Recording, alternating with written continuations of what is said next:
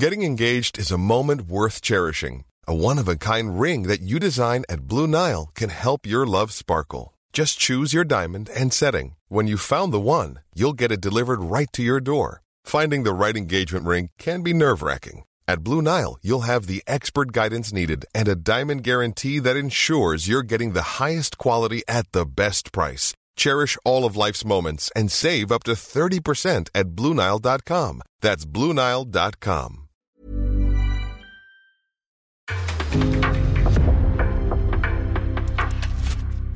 En podcast från Aftonbladet.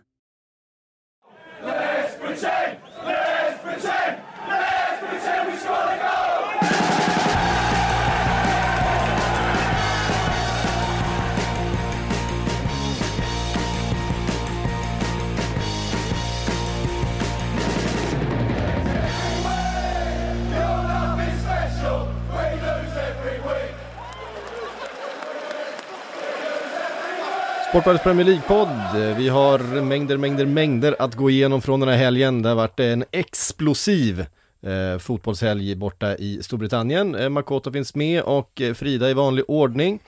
Eh, före vi sätter igång ska jag bara fortsätta tipsa om den här resan som vi ska åka på i oktober. Res med Sportbladets Premier League-podd till eh, London och eh, kolla på fotboll. Vi ska dels då kolla eh, Arsenal-Liverpool på söndagen, den hade ju flyttats då från lördag till söndagen. Och det har vi gjort att vi har faktiskt lagt till en match på lördagen. Då ska vi till The Den och kolla Millwall Middlesbrough. Svincoolt, det ingår också i, i resan. Så ni som redan har köpt biljett eh, så har ni en match till på, eh, på kartan. På kartan? på schemat. skulle jag säga. Eh, vill man så kan man ju såklart gå och se någon annan match, det är ju Chelsea bland annat då på, på lördagen. Men eh, man får i alla fall ett inträde till Millwall-matchen med paketet. Eh, ska säga det, så gå in på Watch It Live som eh, sätter ihop den här resan.se och läs mer. Eh, det finns några biljetter kvar, så att eh, häng med oss till London. Hörni, det var en, eh, vi har ju sagt det att vi ska inte eller jag har i alla fall haft ambitionen att vi inte ska prata så mycket domare och VAR, eh, för att vi har gjort det så mycket, men de gör det fan inte lätt för sig, eller för oss, att, att inte prata domare och VAR. Vi, eh... ja, jag har varit liksom inne på att hylla Fridas utmärkta krönika där från lördagen, som, så att det liksom, alltså vad heter det, Ja. Fingret på spiken höll jag på att säga, det heter det inte, huvudet på spiken. Ja. Eh, med hela den här diskussionen, för det är verkligen helt sanslöst just hur det kan bli som det blir en omgång som, som vi fick se i lördags. Ja, du ska få lägga ut texten där eh, Frida. Jag ska bara en snabb resumé. Det blev eh, oavgjort 0-0 mellan Everton och Liverpool. Eh, 5-2 till Brentford över Leeds. Herregud, det har ju gjorts, eh, vi har haft ett, två stycken 5-2 resultat den här helgen. Chelsea slog West Ham med eh, 2-1. Där hade vi en del eh, dom, domslut att, eh, att se tillbaks på. Newcastle, Crystal Palace 0-0. Nottingham Forest, Bournemouth 2-3 Bournemouth som vi, i alla fall jag har räknat ut lite grann. Eh, en tung trea borta mot eh, eh, Nottingham Forest. Tottenham, Fulham 2-1. Wolves, Southampton 1-0. Aston Villa, Manchester City 1-1. Manchester City som man trodde typ skulle gå rent härifrån, eh, tappa poäng borta mot eh, krislaget Villa. Brighton, Leicester 5-2. Eh, på tal om kris, Leicester befinner sig just nu i en sån, det gör inte Brighton. Och sen då såklart stormötet mellan Manchester United och Arsenal, 3-1. Och det är där vi ska börja, Frida tänkte jag. Och eh, ja, jag vet inte, ska vi börja med, med målen, med eh, kontroverserna, med eh, huruvida Christian Eriksen borde liksom eh, haft den här frisparken med sig från början, om var överhuvudtaget skulle gått in, hur det fungerar, jag vet inte. Du får börja precis vart du vill i den här matchen.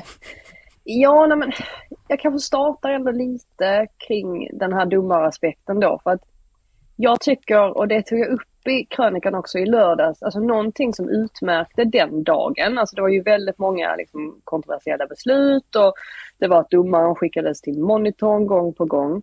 Men så fanns det en domare som stack ut och det var givetvis Michael Oliver, vilket inte är så konstigt eftersom att han ju trots allt anses vara Englands bästa domare. Och han stod på sig. Han hade dömt straff till Nottingham Forest efter en hands på Lloyd Kelly var det väl i Bournemouth.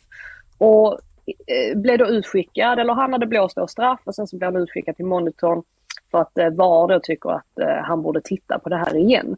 Men Oliver står på sig och känner att nej, nej men jag tycker att det är straff. Så då tänker jag banna mig blåsa straff.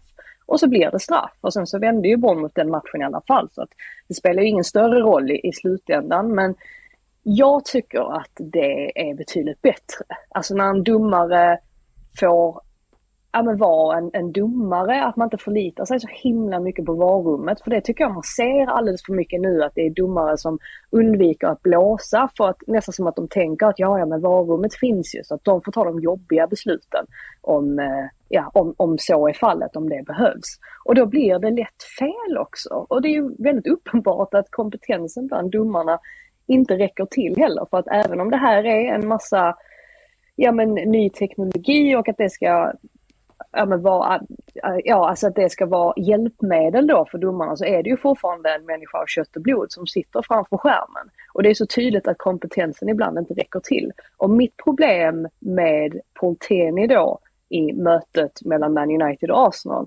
det är att jag hade inte haft något problem om Teni hade blåst frispark till Christian Eriksen när det väl, när det hände. För att Ödegård, han är inte på bollen. Så att, att det är frispark, ja fine, absolut. Men det jag har problem med däremot är att ett mål ska dömas bort i sekvensen sen, därefter, bara på grund av den händelsen. Alltså det är där jag, det är där jag har problem med att just det här målet blir bortdömt. Inte att det inte är frispark, fine, det är det kanske. Men jag tycker helt enkelt inte att att VAR ska kunna gå in och döma bort ett sånt mål när det sker så långt senare. Och just det här är att Teni, han ser situationen hända i realtid, tycker inte att det är frispark då. Hur kan det vara frispark sen? Ja, jag vet inte. Jag vet inte vad ni tycker, men det, det är så jag tycker i alla fall. Ja, men jag, jag håller helt, helt med. Till att börja med, gränsdragningen för när, hur långt tillbaka en situation får ske för att den ska vara inblandad i målet, den är otroligt diffus. Ja. Eh, och jag håller helt med också på, det hade varit kul att se statistik på hur många procent av alla som går ut och tittar på skärmen som gör som Michael Oliver, för den procentsatsen är inte ja, hög. Är, det, nej, den, den, är, är ju den inte är hög. Jättelugn. Och det var till och med så att jag skrattade för att jag, de visar ju inte klockan tre matcherna här. Och, så jag lyssnade på radiosändningen, mm. eh, Talksport, där de liksom alternerar mellan alla olika matcher, vilket faktiskt är ganska kul och ett ganska bra sätt att liksom veta vad som händer hela tiden. Och då satt experten som var i eh, Forest eh, Bournemouth-matchen, han sa när Oliver blev utskickad till monitorn så sa han oh, ja men nu, nu, jag tror att han kommer stå på sig. Varpå då, eh, och det märktes liksom att han kanske var ganska ny i gamet, att han kanske inte har förstått att varje gång en, en domare blir utskickad till monitorn så innebär ju det att han som sitter i varummet i stort sett säger du har fel, mm. du måste ändra mm. på detta. Men i det här fallet fick ju faktiskt experten rätt till alla stora förvåning. Men det var ju för att det var Michael Oliver. Mm. Jag trodde att det skulle bana vägen för någonting nytt. Nästan så att jag tänkte att TV kommer säkert stå på sig och döma mål i den här matchen. För han kanske har sett Oliver göra det och det räcker ju liksom att en gör det för att andra ska våga göra det också. Men det gjorde han ju inte så att, ja. Nej, alltså det som är problemet här är att VAR ska på något sätt agera som en eh, en skiljedomstol där det finns, där, där, där det finns någonting binärt, där det antingen är rätt eller fel.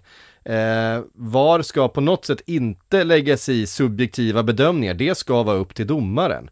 Eh, och det här är ja, men du säger, gränsdragningen för hur tidigt någonting får ske. Eh, ja men det är ju en, en subjektiv uppfattning. Mm. Eh, det, eh, det, det, blir väldigt, väldigt svårt, alltså det finns inget tekniskt hjälpmedel som hjälper till eh, vid den typen av eh, subjektiva bedömningar. Samma sak, den här, ja men visst det är frispark sju gånger av tio, sex gånger av tio i, i det här fallet mm. i, i öppet spel. Um, det håller jag med om. Men jag menar, att någonting är frispark sex eller sju gånger av tio är inte helt otvetydigt att det alltid är frispark. Det är lite upp till domaren vad, vad som händer. Det har också med liksom rytm och flow i spel och så vidare, huruvida eh, man står och liksom eh, ja, dräller med bollen eller vad man, vad man gör. Jag, jag håller med om att, ja men det, det ska nog vara frispark, men det är inte alltid domaren blåser för det. Jag skulle säga, ja, ungefär sju gånger av tio så kommer domaren blåsa frispark för just det där. Beroende på hur domaren står och hur han uppfattar situationen. Ehm, det blir jätte, det blir alltid konstigt när VAR och när någonting så tydligt ska gå in och bestämma nu har domaren rätt, nu har domaren fel. Ehm, när det är den här typen av subjektiva bedömningar. I så fall kan vi överlåta alla domslut till VAR helt och hållet och strunta i att ha en domare på planen och bara ha en tuta som tutar så fort det är någonting som, som händer. Så vill vi ju inte ha det. Eh, Men det, är på gång ju den tekniken är ju på gång och är ganska långt framskriden också tydligen. Att det ska komma ett hjälpmedel där, ja men jag vet inte hur, som mäter, jag vet inte hur, hur mycket det är per sekund. Eh, mm. Men alltså målet är i stort sett att vi ska klara oss utan domare. Och det kanske fungerar jättebra om man nu har den sortens teknik. Men det här, här handlar det ju inte om tekniken. Det handlar om att den mänskliga faktorn fortfarande spelar in. Ja. Och att den mänskliga faktorn brister. Ja, mm. precis. Eh, sen hade vi en fotbollsmatch också. Eh, Arsenal var i mitt tycke det, det, bättre laget under större delen av, eh, av matchen men eh, det här är ett Manchester United som börjar visa tänderna lite grann. Som börjar, eh, som har vässat sina armbågar och som tar sina chanser och tar poängen när de erbjuds. Det var ju det som var liksom Manchester Uniteds problem innan. Det fanns inga vassa armbågar, det fanns inga hörntänder. Eh, det känns som att, jag menar, reaktionen från, från Anthony, det där är ju precis den typen utav grisig vinnarskalle eh, typ. Alltså. Fan vad han kommer älska som United-supportrar och Ja det är klart. Mm.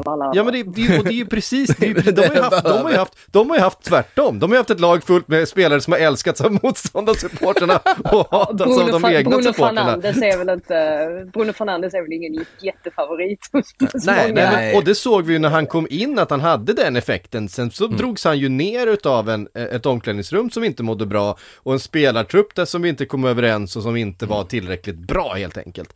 Eh, nu eh, det var, det var inte börjar få, vi se någonting annat. Det var ju inte liksom jättekoreograferat firande från Antoni direkt. Det var ganska många olika detaljer och allt möjligt i den där euforin. Jag trodde tröjan man... skulle gå sönder ett tag när han började slita i, i klubbmärket. Han är glad att vara där i alla fall, det kan man konstatera. Ja, sen vet jag inte om jag... Ten Hag pratade ju efteråt om att ja, men vilken skillnad Anthony gjorde och det kan jag förstå med tanke på att Anthony vet hur Ten Hag boll fungerar. Alltså han mm. vet vad som förväntas av honom. Men sen tyckte jag inte att allting han gjorde blev ju inte jättebra. Det märktes ju att han, han har ju, ehm, ja, alltså den här prislappen är ju fortfarande väldigt hög för honom. Det är ja, ju tydligt.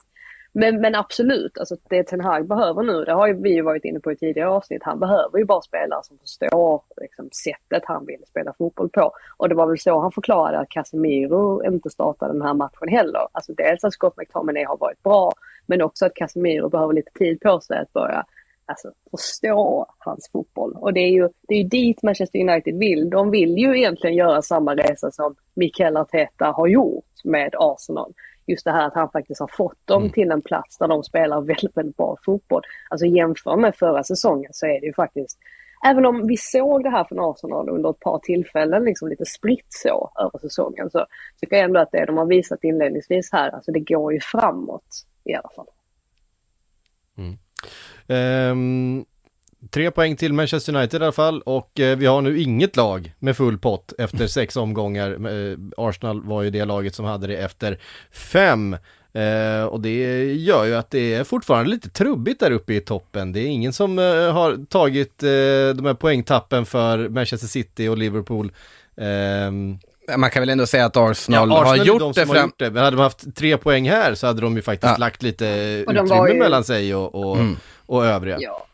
Och inte för att vara så, men alltså, jag måste bara nämna också Gabriel Jesus igen. Alltså även om han inte gör något mål här, så, alltså, så som han spelar där, särskilt i första halvleken och sättet han liksom får in kroppen mellan motståndare och boll. Alltså det är inte många spelare som kan, som kan göra det som han gör just nu.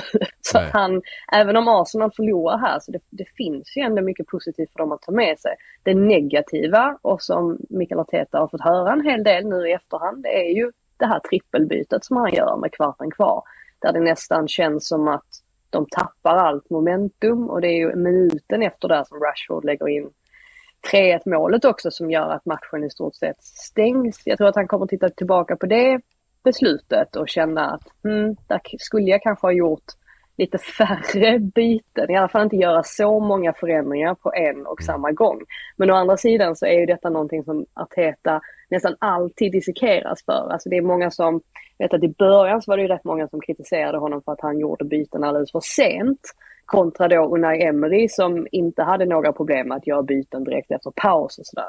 Och Arteta, eh, han har däremot hållit i det, han har, han har varit eh, ovillig att, att göra byten rätt ofta. Så jag tycker nästan lite synd om honom att han bestämde sig för att göra detta trippelbytet. Och det, ja, att det inte föll väl ut för att han gamblade ju där. Eh, även om han påstår själv att han, att han inte gjorde det. Visst. En, en intressant, någonting som man ändå måste ta upp från den här matchen, eh, tänker jag i alla fall i United-väg.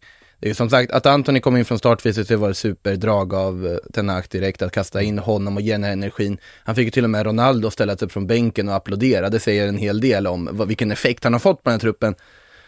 Men jag kan inte, jag fattar att han inte vill ändra ett vinnande koncept. Jag förstår jag det. att det gör ont i dig ja, att men, se ja, Casemiro ja, men, på bänken. Ja men du kan inte peta Casemiro för Scott McTominay. Det är klart du kan. Det blev ju tre poäng. Ja, jag vet att det är det och det är, det är det som gör det så liksom svårt att argumentera för det att det är fast fel. honom på bänken nu. Men det, det, är så sanslöst att se, men vi får väl se om det var kanske att han skulle vilas till Europaspelet eller om det, ja. vi får väl se vad han tar ut för elva här till matchen i veckan. En, en spelare som man måste lyfta också, mm. det är ju Christian Eriksen. Verkligen. I den här fria nummer åtta-rollen som han hade. Och det jag tyckte var intressant med eh, Uniteds första mål som ändå blev väldigt vitalt för att ja, det kom ju ändå i en period där Arsenal ändå kändes lite hetare så fick liksom United det där första väldigt, väldigt viktiga målet.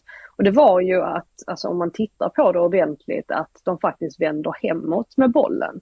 Och att eh, Arsenal-supportrarna nästan applåderar det, eller nästan, de applåderar det helt enkelt. Att de, det kändes som att Arsenal liksom tryckte United tillbaka. Men genom att de slog den passningen hemåt och Christian Eriksen sen får bollen, så kan han med en enda passning bara slå, bara slår den här linjebrytande eh, bollen rakt fram till, till Bruno Fernandes som plockar upp den då och sen så gjorde ju Teni det faktiskt bra där att han bedömde att han dömde fördel så att Anthony kunde lägga in det där målet. Men äh, där ser man ju verkligen en spelare som, äh, han har snappat upp Ten Hag-boll, äh, så mycket kan man ju säga. Mm. Ja, verkligen.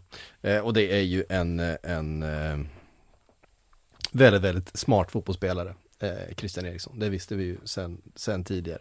Marcus Rashford också känns som en, en, en ny fotbollsspelare jämfört med hur han såg ut förra säsongen. Eh, och där har vi också vetat att det finns ju, det finns ju där någonstans. Det har ju suttit i huvudet och det har ju suttit i liksom eh, i känslorna mer än någonting annat. Eh, han har inte mått bra. Eh, och det känns som att han mår bättre nu. Ja, han får ju förtroende också för Ten Hag mm. framför allt. Alltså det märks ju att Ten Hag tycker att han är väldigt viktig, alltså att hans egenskaper är väldigt viktiga. Det var ju därför han plockade av Elanga mot Liverpool och eh, man satte ut Rashford på en kant. Han visste om att liksom, Rashfords löpningar är väldigt viktiga. Och det fick han ju utdelning för igen nu här i, i, eh, i mötet med Arsenal. Och jag tycker det också visar att även om Ten, Ten Hag hade en jobbig start här i Man United så är han ju fortfarande en väldigt, väldigt skicklig fotbollstränare. Och han gjorde ju detta massvis med gånger eh, i Ajax också. Alltså de gångerna man såklart minns tydligast, eller som jag minns tydligast, är ju i Champions League när han liksom hela tiden visade att han är duktig på att se vad som måste göras eller vilka egenskaper han vill ha på planen precis då i just det skedet och så vidare. Så att ja, där hade han ju helt klart bättre fingertoppskänsla jämfört då med Mikael Arteta och hans byte. Mm. Men det är ju som sagt, alltså mycket, mycket av materialet har ju funnits kvalitet i det här laget, det har vi ju sagt hela tiden egentligen, bara att den inte har kommit fram och om man lyckas få fram den. Det är ju extra imponerande att de gör det nu också efter den tuffa starten man ändå suttit tillbaka på det sätt man har gjort. Det ska bli väldigt spännande att se hur, hur det här kan hålla, om du får igång Bruno Fernandes igen på samma sätt, om du får igång Christian Eriksen i den här rollen, Rashford och så vidare, så då har man någonting eh, väldigt spännande på gång tror jag.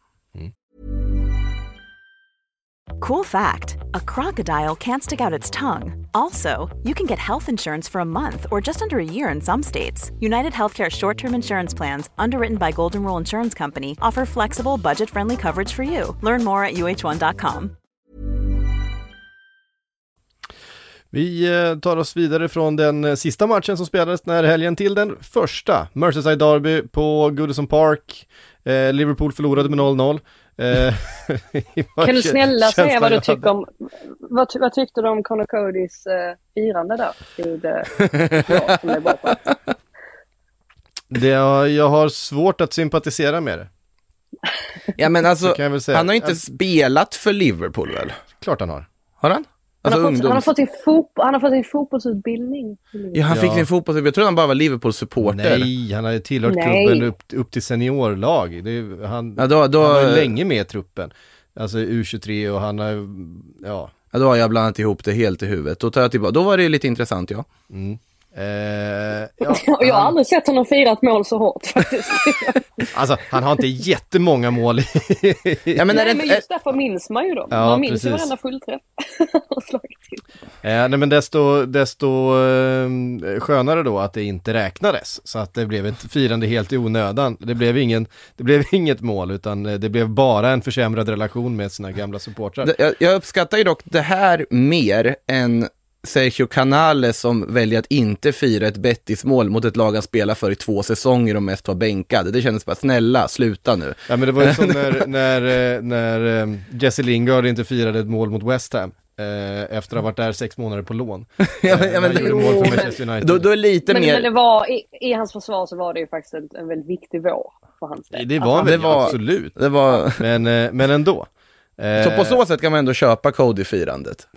Jag kan inte köpa, alltså jag, jag, jag vet inte. Det, det är väl upp till var och en. Titta vad ni missade. Det är klart, det är klart att, han, eh, det, det, är klart att han, han får fira om han vill. Eh, men det, han begriper ju lika väl som alla andra att det, eh, det kom, alltså hans, hans relation, han har haft en god relation till Liverpool-supportrarna oavsett om han spelat för Wolves, det, det är ju inga konstigheter att han har spelat för ett annat Premier League-lag och att han har kommit till Anfield och firat och sådär, så det har inte varit några konstigheter men nu är det för Everton. Och det har liksom till och med varit okej. Okay. Ja men och, han kommer inte spela för Liverpool, han är inte tillräckligt bra för att spela för Liverpool.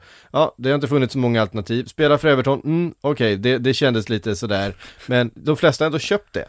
Eh, men att han firar ett men mål? Men det här på något sätt att han, att han, också det, han vet ju vad han gör. Det är inte, han vet ju vad han gör. Om ja, det är någon som förstår, om det är någon som förstår precis vad det är han gör, så är det ju han. Han har vuxit upp i den här staden, han har vuxit upp på den röda halvan, han har tillhört en av de här klubbarna under hela sin uppväxt. Eh, och han har spelat hur mycket liksom eh, fotboll som helst i den röda, eh, röda tröjan. Som en viss person hade missat. Jo, du, måste, du måste ju sätta det in i hans situation också. Alltså nu måste han ju vinna över Everton-supportrarna på sin ja. sida. Mm. Då kan så ju inte han hålla på och hålla igen heller i ett möte med Liverpool. För som du säger, han vet hur mycket det betyder att göra mål på Liverpool och plocka poäng mot Liverpool. Så det, jag kan liksom inte, jag fattar att Liverpool-supportrar blir upprörda, absolut. Jag hade känt samma sak om jag hade varit Liverpool-supporter. Men samtidigt så, äh, jag, jag förstår. Men liksom, om man hade sträckt upp händerna i luften och skitit i att fira, då hade ni bränt alla broar med sådana över, över ja, nya det, fans. Ja, det, det, är så. Jag vet inte. Det, det, det, är ju en, det är en avvägning. Jag, jag tänker inte vara alltför eh, långsint över det. Det är roligt, vi pratar mycket eh. målfirande, men vi har inte kommit till det bästa målfirandet den här, eh, den här helgen. Nej, det har vi inte. Jag vet, jag vet exakt vilket du tänker på. um, Men 0-0 eh, i alla fall, det, det, var ju inte en 0-0 match på, om man tittar på, på antalet chanser. Eh, ja, det är bara bollar i stolpen både åt båda mm. hållen och ribban och allt möjligt och Pickford gör ju en, en jättematch. Han det är ju han som vinner den här poängen åt eh, Everton i slutändan. Han har ju några sådana per säsong när han är helt omutlig. Ja. Som, som den här matchen. Ja, han var ju, alltså det är så kul också när han ser ut som att han liksom har eh, ja, men, tagit någonting i halvtid. Alltså att han är så, han är så, Ser ja men liksom han börjar, ja. Oj, oj. Han, börjar med att göra en jätteräddning så märker man hur, hur det liksom injicerar något sorts ja. superadrenalin i honom så att han inte kan sluta. Han är precis överallt. Det är ju det är då han är som bäst, Pickford. Ja, och jag tror det var väldigt viktigt, väldigt viktigt för honom att få den här få göra den här insatsen också med tanke på VM och att Nick Pope ändå har sett väldigt bra ut och sådär. Han, han behöver visa att han fortfarande ska vara första målvakt mm. för England. Eh, och har, har varit bra den här säsongen och var faktiskt helt okej förra säsongen också. Eh, han har återupprättat lite av det där eh, ryktet som han fick under ett par säsonger när, det, när han till och med var petad för Robin Olsen eh, under några matcher. Mm.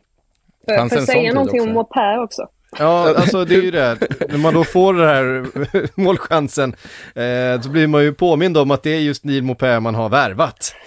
Eh, det finns alltså, ingen alltså, som kan bränna, bränna ett öppet läge på det sättet. Nej, alltså jag, jag måste köra en liten rant om honom igen. Eh, som jag ju gjorde väldigt många gånger under hans tid i Brighton. Men just det här med att Mopé, jag fattar inte varför någon inte kan säga till honom att bara men göra de här grundläggande grejerna som en anfallare eller striker då alltid gör. Alltså han tar väldigt, väldigt sällan löpningar för det första. Alltså det, det, är ofta man ser till exempel Nathan Patterson hamnade i ett par lägen nu i den här matchen där han stod med bollen och det kändes som att han, han, han eftersökte en löpning från Mopé men den kom aldrig.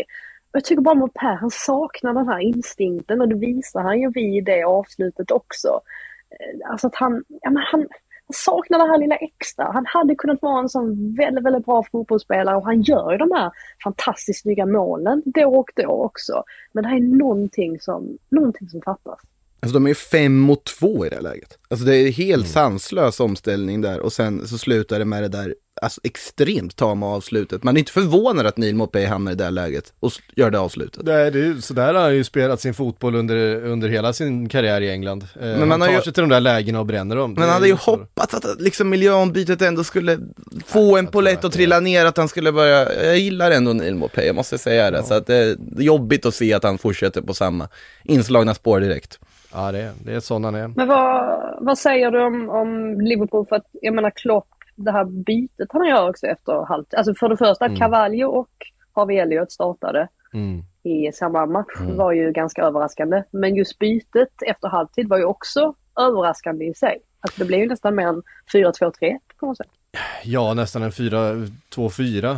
Um, ja. det, är ju, det är ju lite förvånande och jag tycker det känns som att Eh, Klopp och eh, Pep Linders för första gången under, ja, på väldigt, väldigt länge faktiskt ser lite vilsna ut eh, i hur de ska ställa upp det här laget och hur, hur de ska ta sig an det här. De har, vad det verkar, nu är Jordan Henderson skadad, han är ju borta, kommer vara borta i några veckor till. De verkar inte ha, och det är ju fullt förståeligt att man inte har förtroendet för James Milner riktigt, han kom ju in sen och um... Hörde jag rätt? Det är förståeligt att man inte har förtroende ja, för James med, ta med, med, tanke på, med tanke på hur han har spelat, mm. eh, och vi såg det redan förra säsongen, att, att benen eh, bär inte riktigt som de gjorde för ett par säsonger sedan. Han kan fortfarande gnugga, han kan fortfarande jobba och han, han, han är fortfarande en, en väldigt rutinerad fotbollsspelare, men eh, han kan inte riktigt diktera villkoren på ett mittfält eh, på det mm. sättet mm. som behövs. Um, samtidigt då, alltså det har ju varit ett lag som har varit väldigt dominant på mittfältet med ett mittfält som har jobbat fruktansvärt hårt och pressat fruktansvärt hårt och varit väldigt närvarande och vunnit den fysiska kampen centralt. Eh, och nu hamnar vi i en halvlek då vi nästan inte spelar mittfältsfotboll överhuvudtaget utan vi är, det, är bara ett, det är bara ett försvar och ett anfall liksom. Eh, och det gör mig lite bekymrad. Eh, för det är inte så Jürgen Klopps fotboll har sett ut eh, någonsin tidigare. Och det kändes som att, eh, ja jag vet inte. Eh, det kändes som att man har tappat den här kontrollen lite grann och även om man tycker jag spelar ganska bra stundtals i den här matchen och har kontrollen under, under långa perioder och skapar en del målchanser så så är det som att just nu så krävs det som att bollen måste gå fyra gånger i stolpen och sen dimpa ner precis framför fötterna och det ska vara öppet mål och sen kan vi göra målet. Eh, det blir liksom ingenting gratis eh, just nu och det, det har ju med att spelarna eh, inte riktigt är där de ska.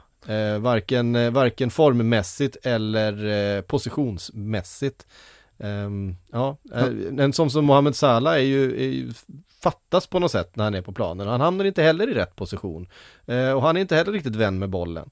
Eh, ja, det, det, ser inte jättebra ut. Det här mittfältet är intressant, alltså om man tittar på innan Thiago kom in, mm. så var ändå Liverpool-mittfältet var ju verkligen en maskin. Mm. Det var ju hårt jobbande, det var inte riktigt några så här temposättare och speldirigenter på det, utan det var ju mer... Absolut inte. Nej, Men har man blivit lite mer beroende av att ha den typen av roll efter att Thiago kommit in i lagbygget? För det tycker jag att, in, alltså när man väljer just en spelare som Artur att välja mm. i sista sekund, indikerar ju på att det är just den egenskapen man känner saknas mest på det här mittfältet.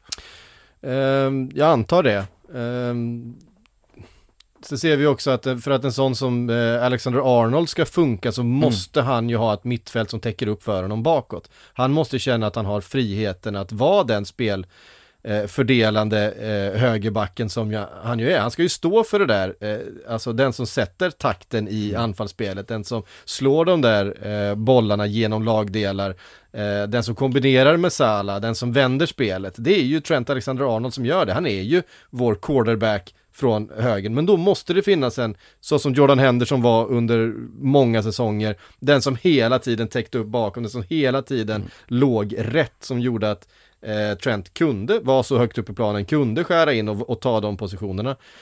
Det kan jag meddela, den spelaren är inte Artur. Den, är, den, den spelaren är inte Artur, den spelaren är inte Harvey Elliot heller.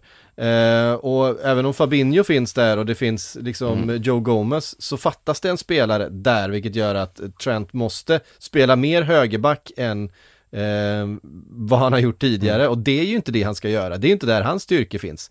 Eh, det blir ju snarare att han får spela ja, spela på sin svagaste fot istället för att spela på sin starkaste. Jag vet inte, det är, något som, det, det är någonting med balansen i mittfältet som inte funkar eh, och uppenbarligen ser Klopp det också och hans beslut i den här matchen var att inte spela något mittfält överhuvudtaget under ganska stor del av matchen och det, jag, jag ja, nu har jag mm. rantat om det, men det känns inte super, superbra just nu.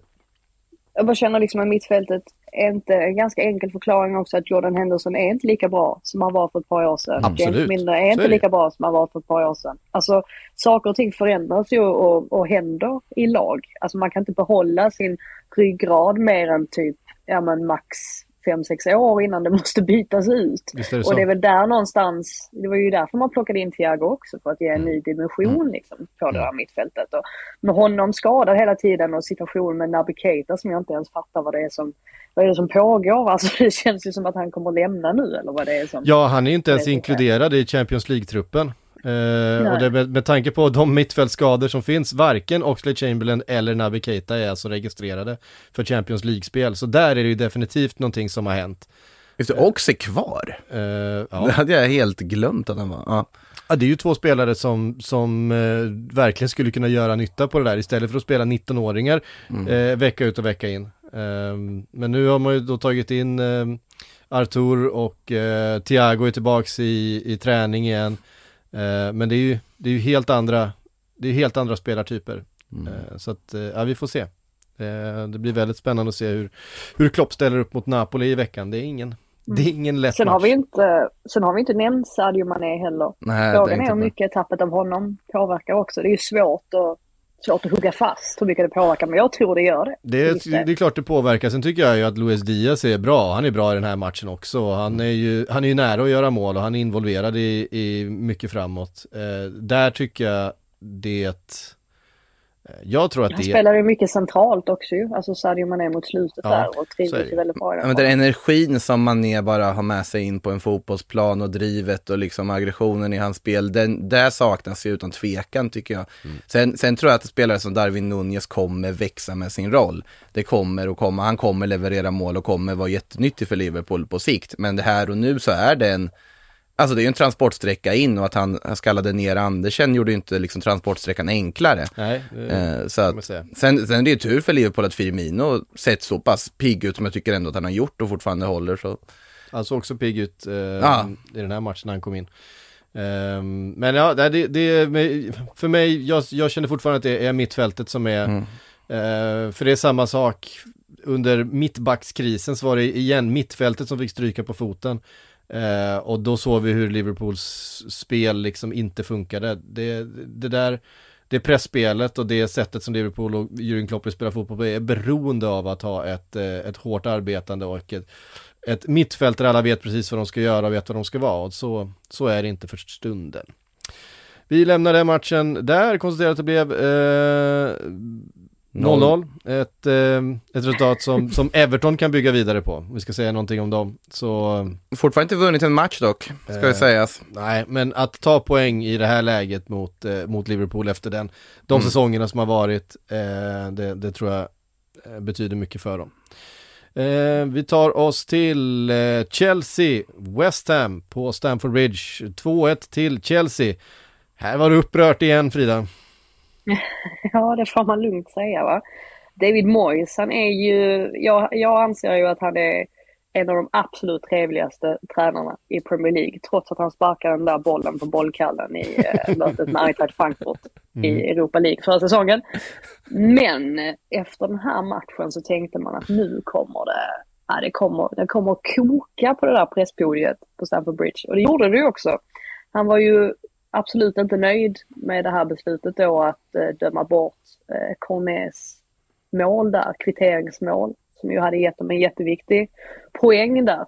Eh, och eh, det är väl ganska många som är överens om att man inte riktigt kanske förstår varför det målet blir bortdömt. Det blir ju inte bortdömt återigen, det blir inte bortdömt i realtid utan det krävs att Andy Madley ska springa bort till sin monitor och kika på om Jared Bowens satsning på Mendy var tillräcklig men eh, nej, jag tycker mest att Mendy, han, han försöker rädda upp situationen där ju genom att eh, spela med lite. Det, det är så jag tycker i alla fall. Eh, och eh, ja, Chelsea har tur som får med sig alla tre poängen i den här matchen för att man hade det ganska, eh, ja, alltså det var ganska mycket stiltje där i första halvleken. Väldigt enkelt för West Ham att försvara sig mot. Och det märktes att man saknade en spets längst fram eftersom att man spelade med, med Sterling och Pulisic.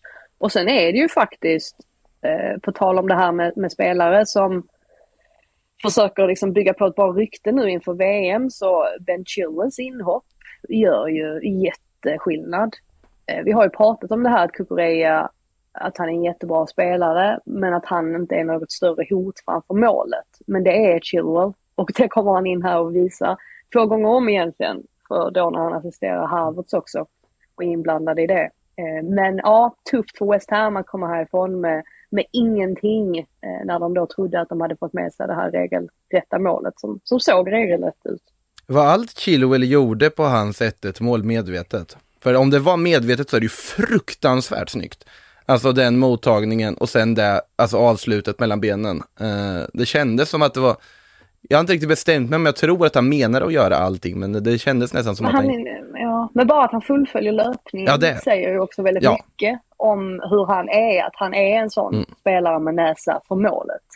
Och därför tror jag, jag tror det var jätteskönt för honom att få göra, få den här, eh, få den här insatsen. Just eftersom att Kukureya har känt som att han har liksom gått före. Men jag tror att Tuchel behöver fler hot framför målet. Och om då Chilwell kan bidra med det så, så kommer han antagligen få spela efter. Kai Havertz svarar ju rätt på bänkningen i alla fall också kan man väl lugnt konstatera när han kom in med form av avslut som man inte har sett honom stå för under den här säsongen hittills. Och givetvis också fingret mot munnen och hyschande till eh, firande efter det. Eh, det har varit ganska liksom, be, vad heter det, eh, befogad kritik i och för sig innan, men samtidigt så var det nog skönt för honom också att få göra det där. Eh, angående den här situationen där West Hams mål döms bort så, alltså det enda man ser, ja absolut, det finns någon form av spark mot magen mot Mendy, men där är det också återigen, hur hamnar man i den situationen? Jo, på att båda går för en boll, Mendy hinner först på den, men det är ju inte någon frispark eller liksom någonting att blåsa för överhuvudtaget. Det är ganska sanslöst att det där målet döms bort och det är ju återigen VAR-problemet när en domare får en instruktion från ett varrum, tänker att ja men det här är någonting och då ser han bara den där sparken i magen och tänker att det är en frisparksförseelse. Men man tänker att det måste finnas någon form av tänk hur man hamnar i den situationen som gör att man ser att nej men det här är väl ganska naturligt inte en frispark. Ja, det händer någonting, alltså det är som att var, de som sitter i varummet, de vill, de vill bara göra domaren uppmärksam på att det är liksom, ja men nu har det hänt någonting, ja men det här kanske är någonting. Mm. Alltså de, de, lägger i, de lägger sig i precis allting och sen ska de låta domaren då på planen avgöra eh, om det här är någonting som VAR borde lägga sig i eller inte. Och de bara så här, men vi ger dig all information som vi har, precis all. Mm. Och sen får du göra alla gränsdragningar. Och det ska ju de göra också. Ja, fast Men- det, ty- det, de borde göra gränsdragningen, borde vi lägga oss i det här överhuvudtaget? Den gränsdragningen borde göras uppe i varummet, inte nere på planen. Ja, men är inte problemet just att domarna ser det som att ja, men det här nu kommer någon att rätta mig? Snarare än som Ja. ser det som ett extra hjälpmedel. Det är väl där problematiken ligger. Om då mer, fler domare liksom resonerar som Michael Oliver och såg det som ett hjälpmedel som säger du kanske vill se det här också? Nej, men jag håller nog fast vid mitt beslut. Då hade vi haft det bättre, men nu är det ju uppenbarligen som att de ser det som någon sorts allsmäktig eh, domare som sitter ovanför dem och konstaterar att här gjorde du fel, titta på det här. Eh, Så det, men det, det är svårt att veta om problematiken ligger liksom i där uppe eller där nere. Den ligger väl antagligen på båda sidor kan man väl säga.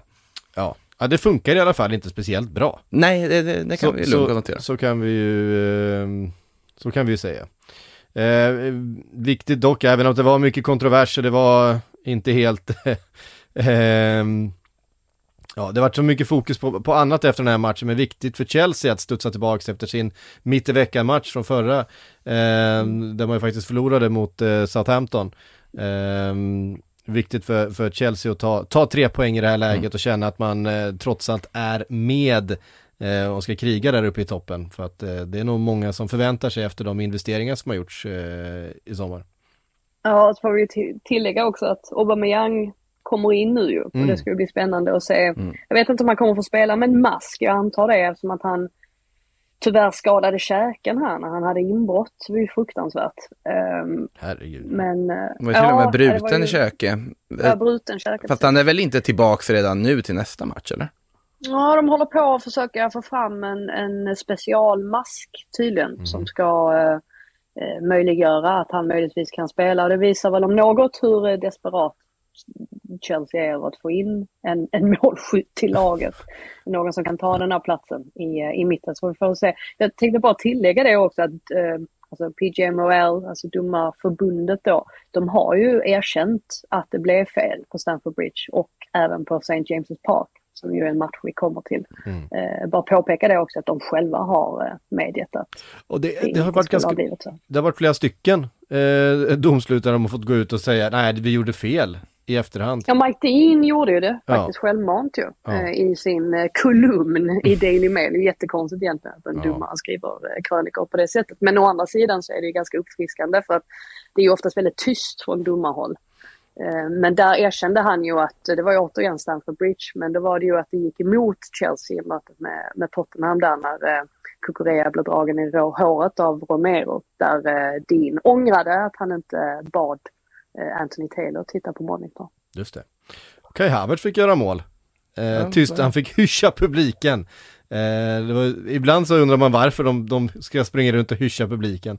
Eh, det verkar vara poppis av, bland fotbollsspelare. Alltså, men- men just den, här, just den här gången kändes det legitimt, för han har fått mycket kritik senaste, senaste veckorna, Kai Havertz, och eh, har ju inte varit eh, bra. Nej, men som, som jag sa, kriti kritiken var ju befogad som jag sa förut. Så att, eh, det, men sen fattar man ju hyschandet i sig där också. Att det var ju som sagt jätteskönt för honom att få göra det där målet tror jag. Det var ett fint avslut ska sägas också. Ja, det Fan det. på.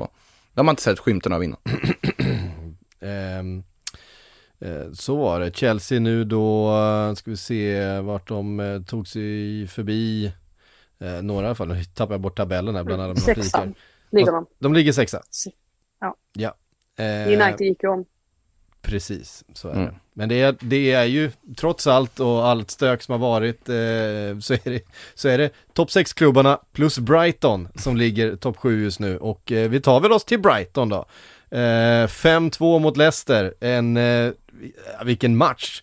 Vilken rivstart, det var mål efter 54 sekunder för Leicester, sen var det mål, eh, ja bara 10 minuter senare.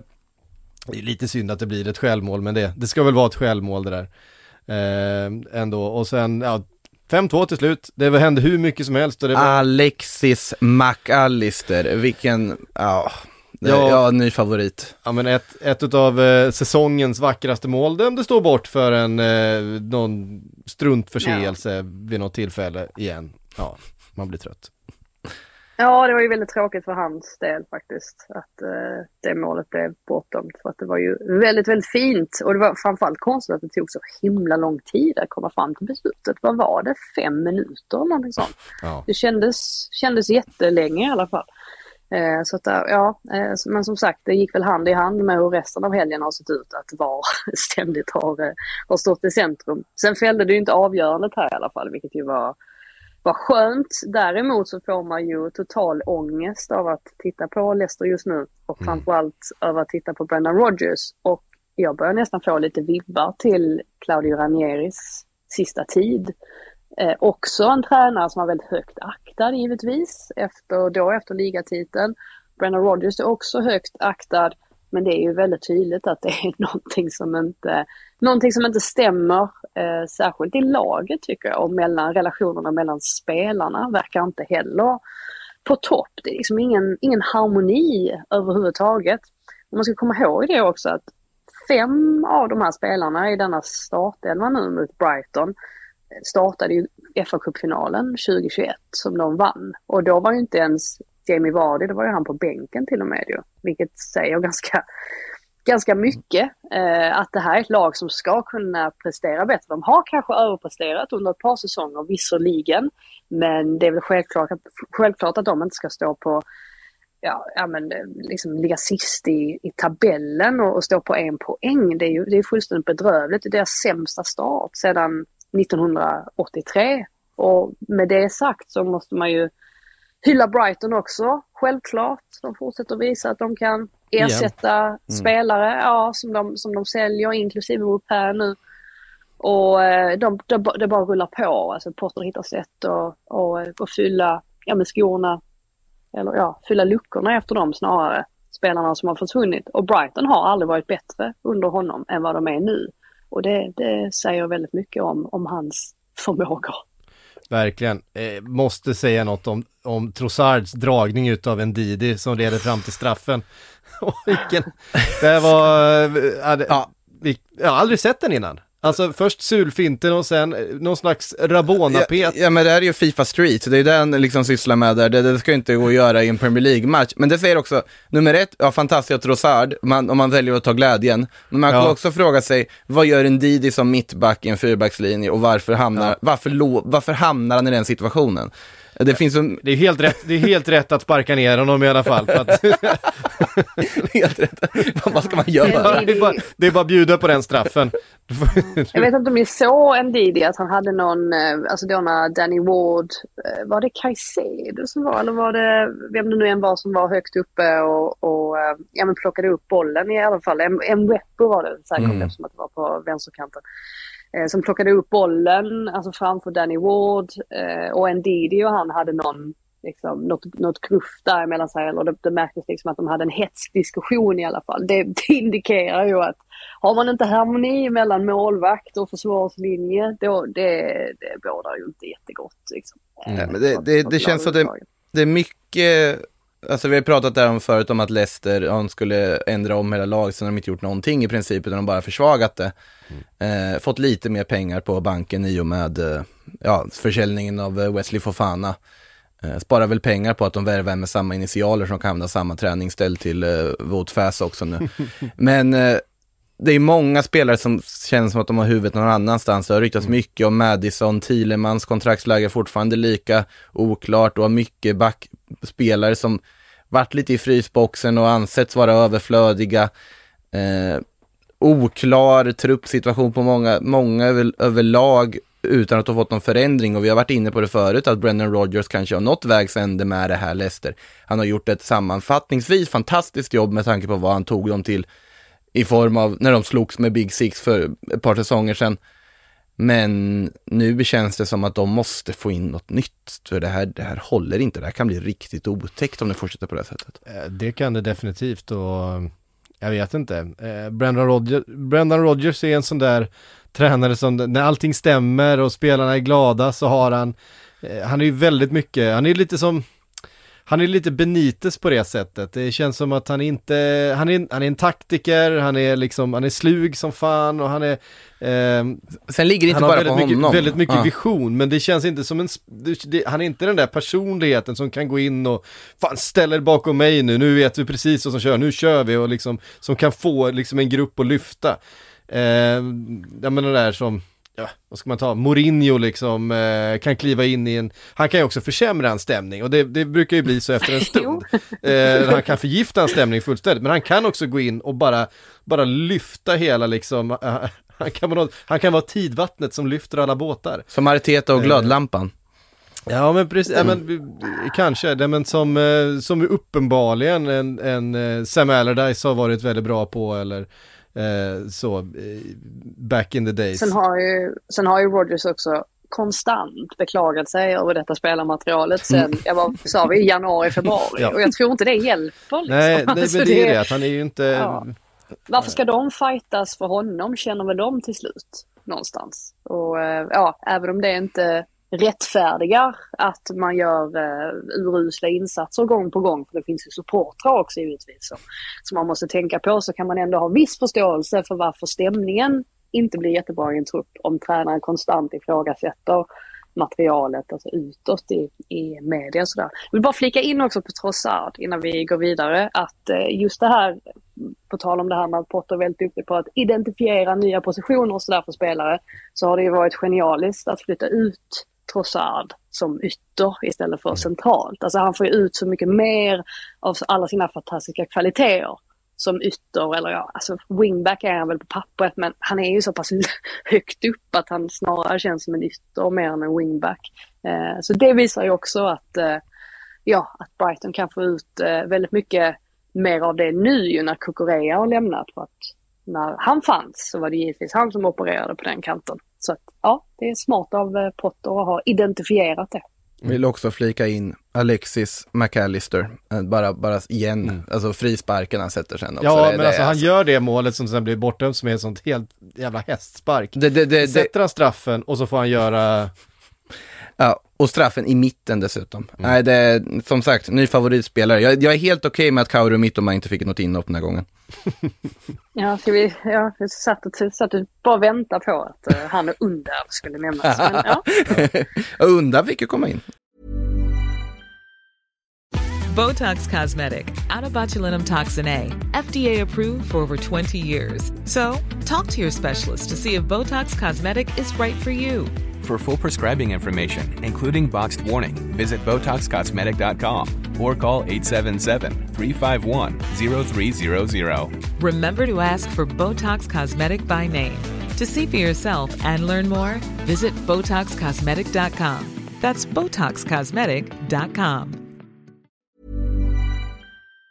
Eh, Aston Villa, Manchester City, 1-1. Ny poängförlust för Manchester City, den här såg vi fan inte komma, i alla fall inte jag, inte mot Aston Villa. Jag hade, jag hade Haaland som triple captain i fantasy, för jag trodde att det här skulle bli, det, här, det här skulle bli en eh, fullständig överkörning. Eh, hade det kunnat bli. Det hade det kunnat bli, men det blev det inte.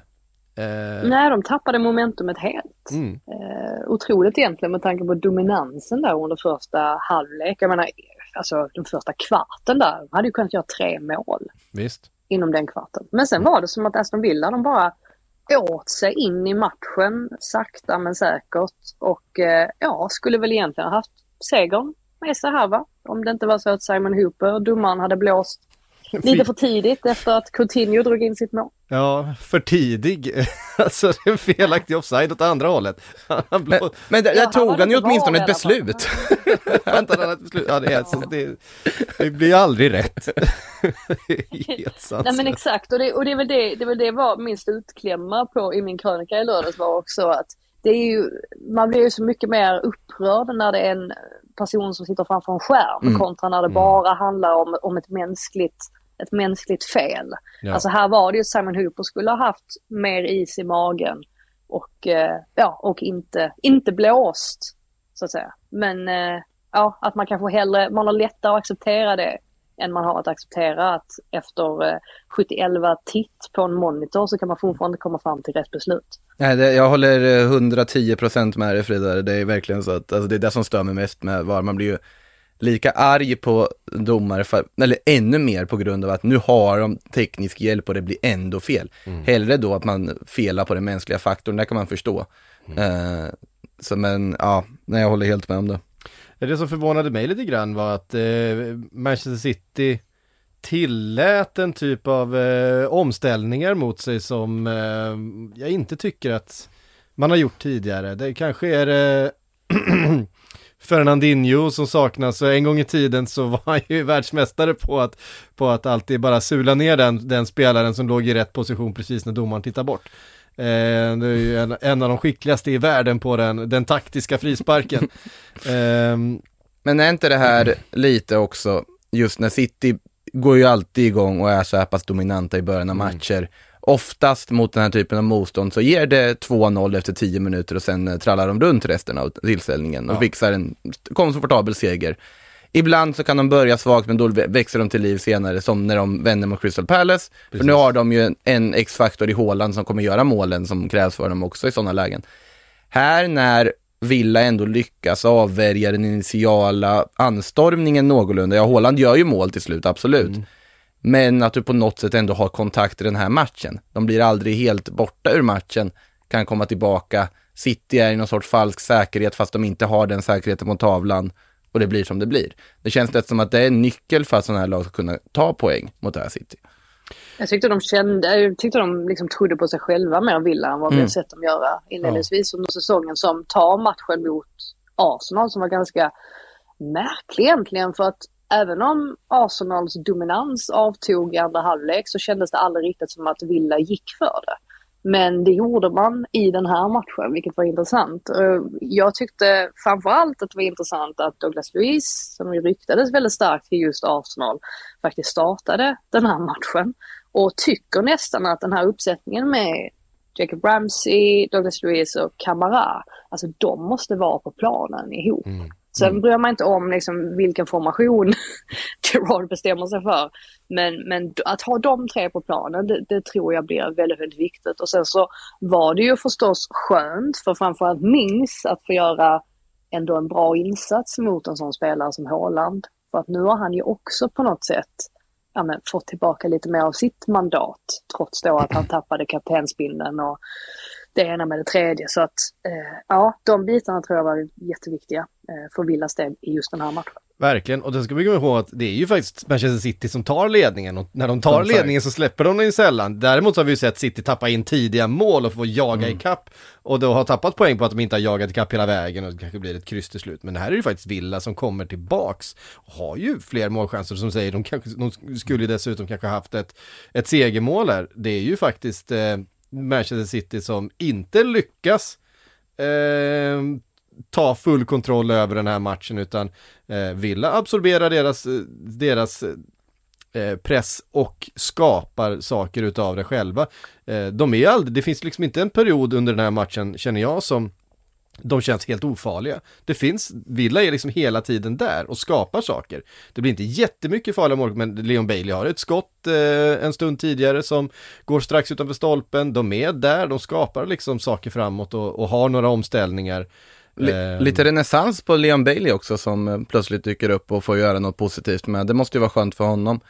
Eh, måste också bara lyfta, alltså Ramses assist är ju otroligt fin alltså, att se den se den liksom ytan, slå den passningen med den precisionen är otroligt fint stycke fotbollskonst. Ja. Sen, sen, är ju statistiken när man tittar på den, den är ju rätt sjuk egentligen. Alltså att Man City landar liksom på 13 målchanser och Villa på 3.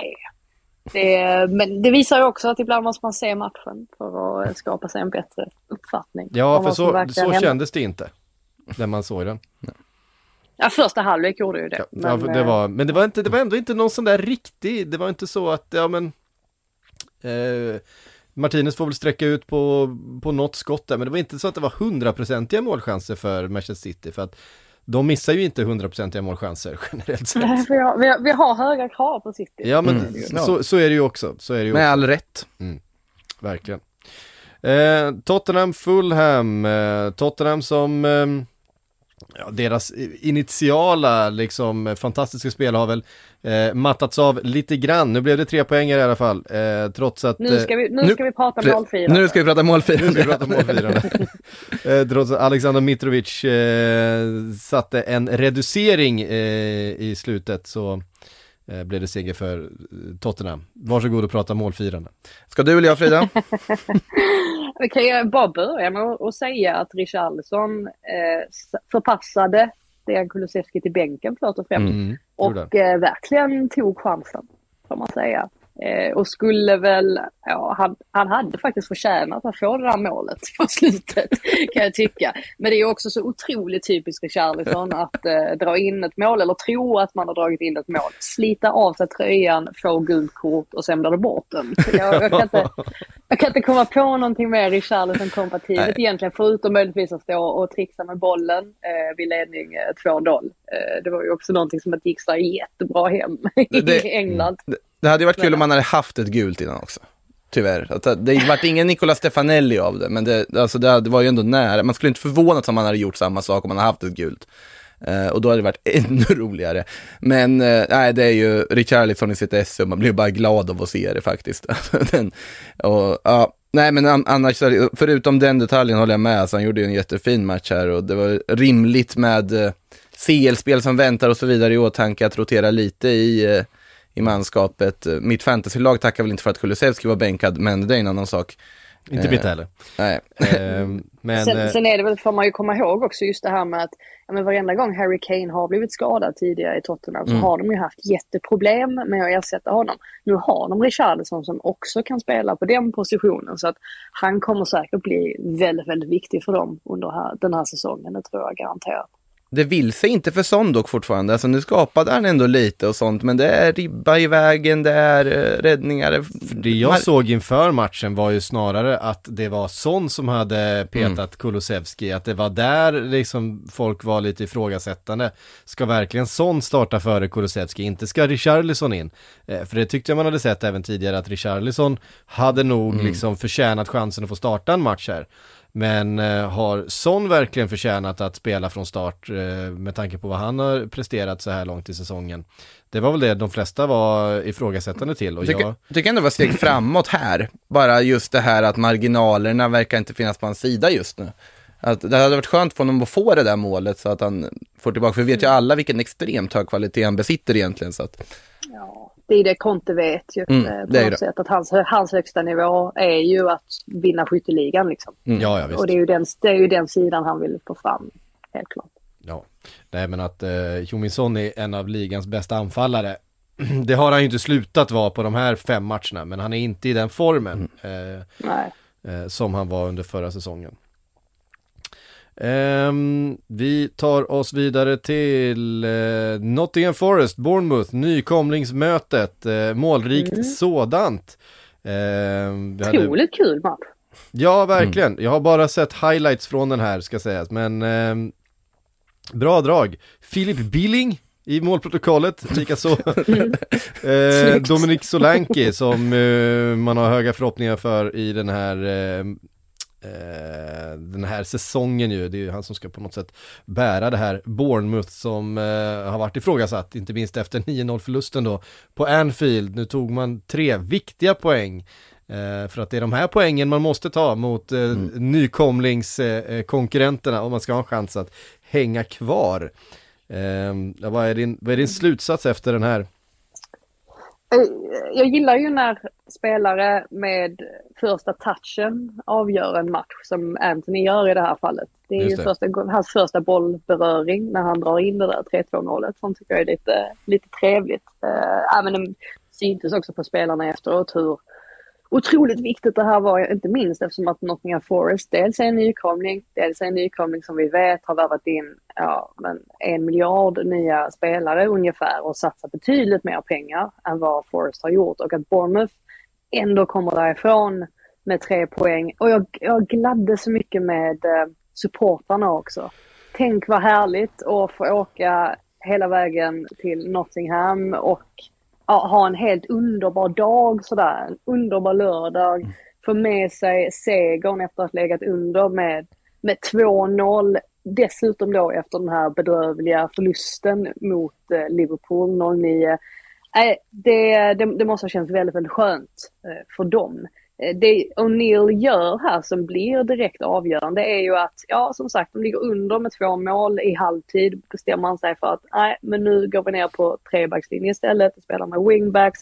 Vilket gjorde att Forrest fick hålla betydligt mer i bollen och så till också att utmana Forrests försvar för att det finns ju brister där som man verkligen kan blotta och sen kommer den här fantastiska comebacken. Så att nej, eh, cred till eh, O'Neill och cred till eh, Michael Oliver också som som sagt var den som stod på sig här i första halvleken och dömde straff mot då eh, Bournemouth eh, för att han helt enkelt kände att eh, han tyckte att det var så. Och det tycker jag man ska lyfta fram också domare som har lite lite stake tänkte jag säga, det kanske man inte kan säga. Men som okej. inte, men som inte är villrådiga. Ja.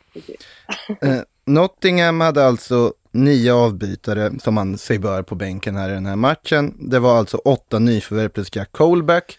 Eh, sex stycken oanvända avbytare varav samtliga var nyförvärv. Och de startar återigen med trebackslinje bestående av Worrell, Cook och McKenna. Jag, jag vet inte vad deras plan är. Alltså jag, jag, jag, jag, jag, jag, jag har bara gett upp där. Bara kasta in Willy Bolli då när ni har värvat honom. Det, det, ni vet, ja, det är i alla fall en mittback som håller Premier League-nivå. Eh, förstår ingenting av vad det är som pågår i eh, Nottingham just nu måste jag säga. Jag förstår ingenting vad, vad som har hänt det här fönstret. Nej men det var ju, och Forrest behövde ju värva in många spelare för de hade ju många inlånade spelare under förra säsongen. Mm. Och vilket gjorde att de, de behövde ju minst en halv, en halv trupp. Alltså helt klart. Utan Ja. tvekan kanske till och med nå ytterligare några spelare. Men problemet blir väl när det blir så många spelare och det är så många spelare med så olika bakgrund och ja, man förstår liksom inte riktigt hur det här ska sättas ihop, alltså, eller pusslas ihop snarare. Det är ju där man blir, eh, ja det kommer ju ta tid helt enkelt och tid har man ju inte om man är nykomling. Alltså då måste man ju på något sätt bara få med sig de här poängen, eh, ja men så att man kan klara sig kvar. Så att eh, skulle det nu vara så att Forest att de, de misslyckas med att hålla sig kvar, ja, men det är ju ett, det är ett jättemisslyckande då ju, med tanke på alla, alla pengar man har, har investerat. Det finns ju en anledning till att en, en klubb som eh, Norwich till exempel aldrig investerar jätte, alltså överdrivet mycket pengar.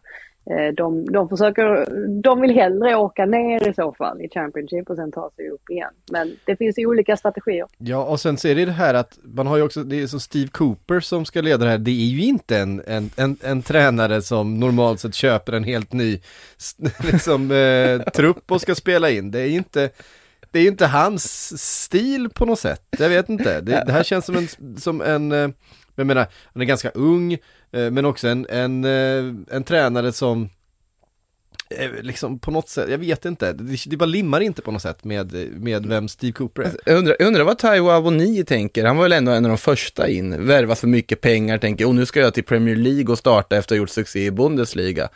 Så har du värvat 128 spelare till på hans position efter. Och så spelar du Morgan Gibbs White från start på topp sen. Jaha. Uh, och så är han liksom förpassad till att bara hoppa in från bänken. Uh, jag, eh, jag, jag, som sagt, jag håller med Frida om att de behövde värva mycket. Och länge så känns det som att de också värvade mycket med en tanke. Men sen ungefär från Morgan Gibbs White och framåt så har ju den tanken på något sätt försvunnit ut i jag vet inte vad. Eh, när det bara hämtas både det ena och andra. Det var väl tur för dem att eh, Michi Batshuayi kraschade där på deadline day. Till och med kanske. För det hade blivit ännu mer rörigt. Mm. Ja, eh,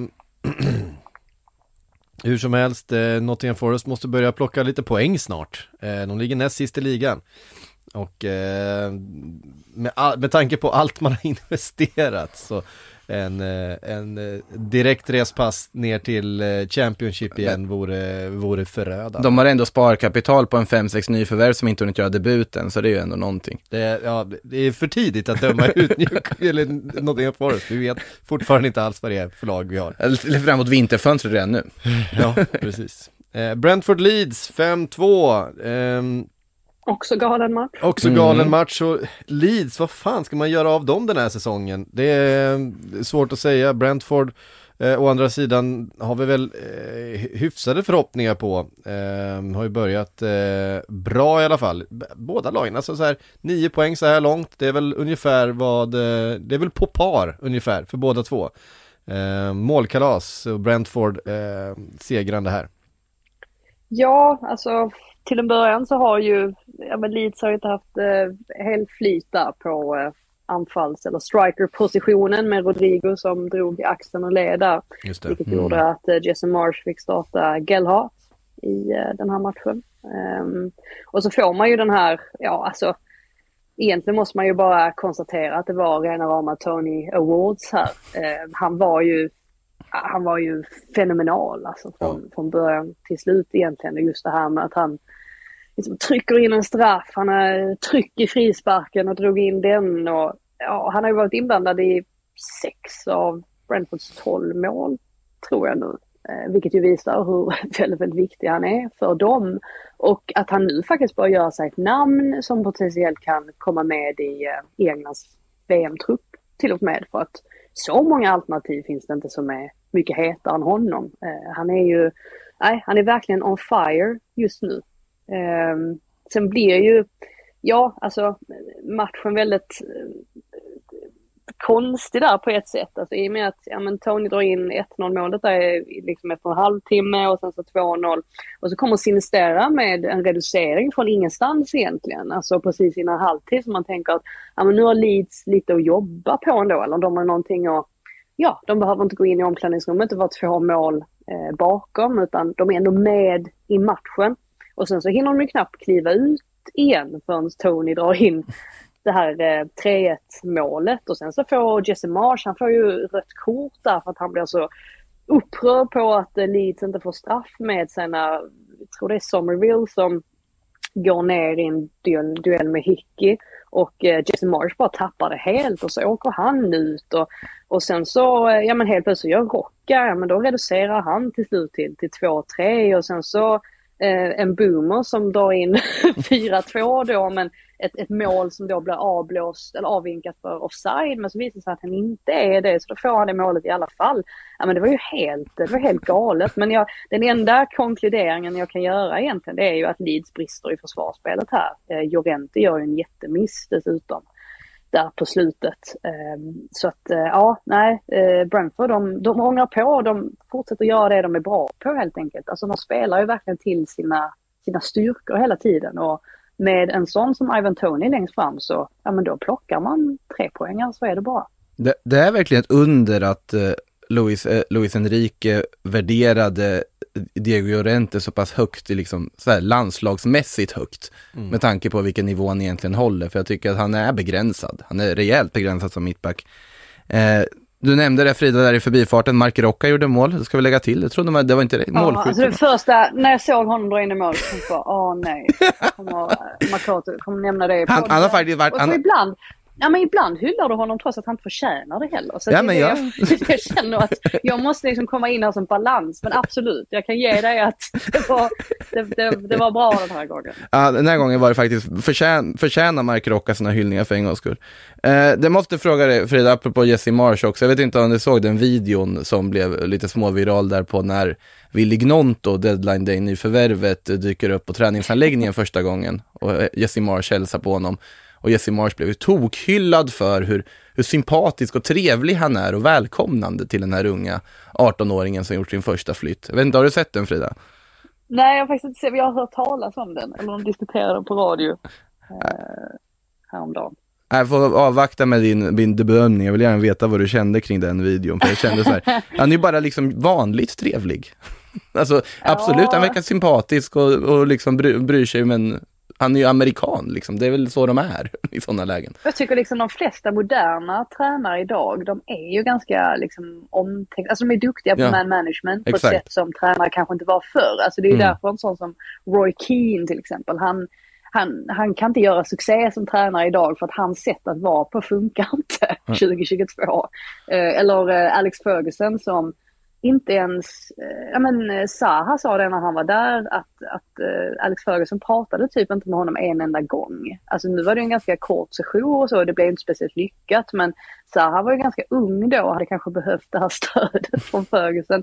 Så det visar ju att den liksom gamla generationens mm. tränare var på ett sätt den nya generationen tycker man väl ändå man oftast hör att ja, ja men han är en jättehärlig person och, och jag kan absolut förstå varför det är viktigt. Sen Marsh Eh, jag fattar ju det här med att, eh, ja, men att det är fint att visa passion och, och att man liksom ska vara, eh, ja men liksom man ska vara med i matchen. Men jag tror inte det gynnar Leeds heller att han, att han plockar ett sånt rött kort i det läget. Jag förstår att det kan låta lite, ja med tanke på att vi har sett andra tränare under den här säsongen dra på sig rött kort som Tuchel och Conte och då skrattade vi gott, gott åt det och tyckte liksom att det inte var något, eh, var något konstigt. Men just i det här fallet så skulle kanske Mars ändå ha hållit sig lite lugnare även om man kanske har förståelse då för att han hade invändningar på det här domslutet. För Leeds fick inte mycket med sig i den här matchen heller. Kontentan, om man tar ett rött som tränare då ska man se till att få den andra tränaren utvisad också.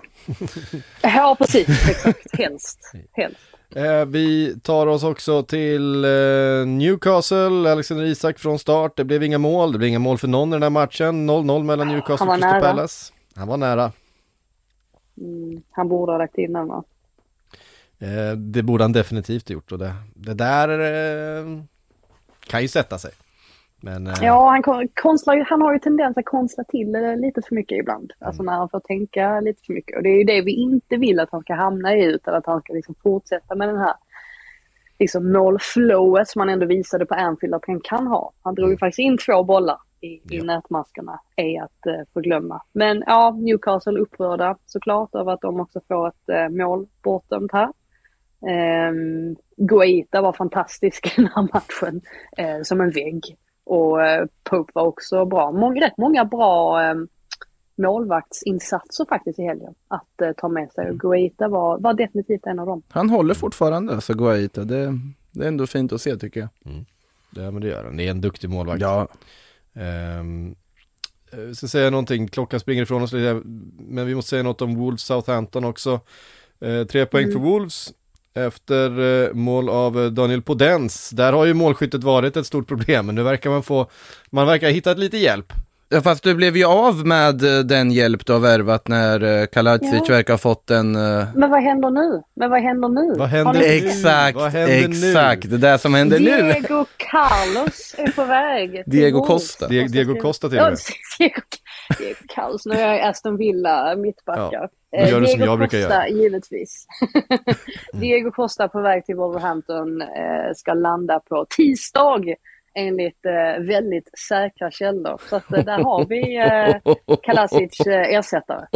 Han börjar direkt mot, eh, mot Liverpool såklart. Vad glad man är för det. Alltså jättesynd för Kalasic ska jag säga också. Ja, den, den aspekten måste man ju ha i åtanke. Jag tyckte det var en jättesmart värvning av dem men eh, Ja, nej, Diego Costa blir ju otroligt bra så här, freudiansk felsägning. Det var som jag kallade Artur en Xavi-ersättare i Liverpool under deadline day. Lite samma sak.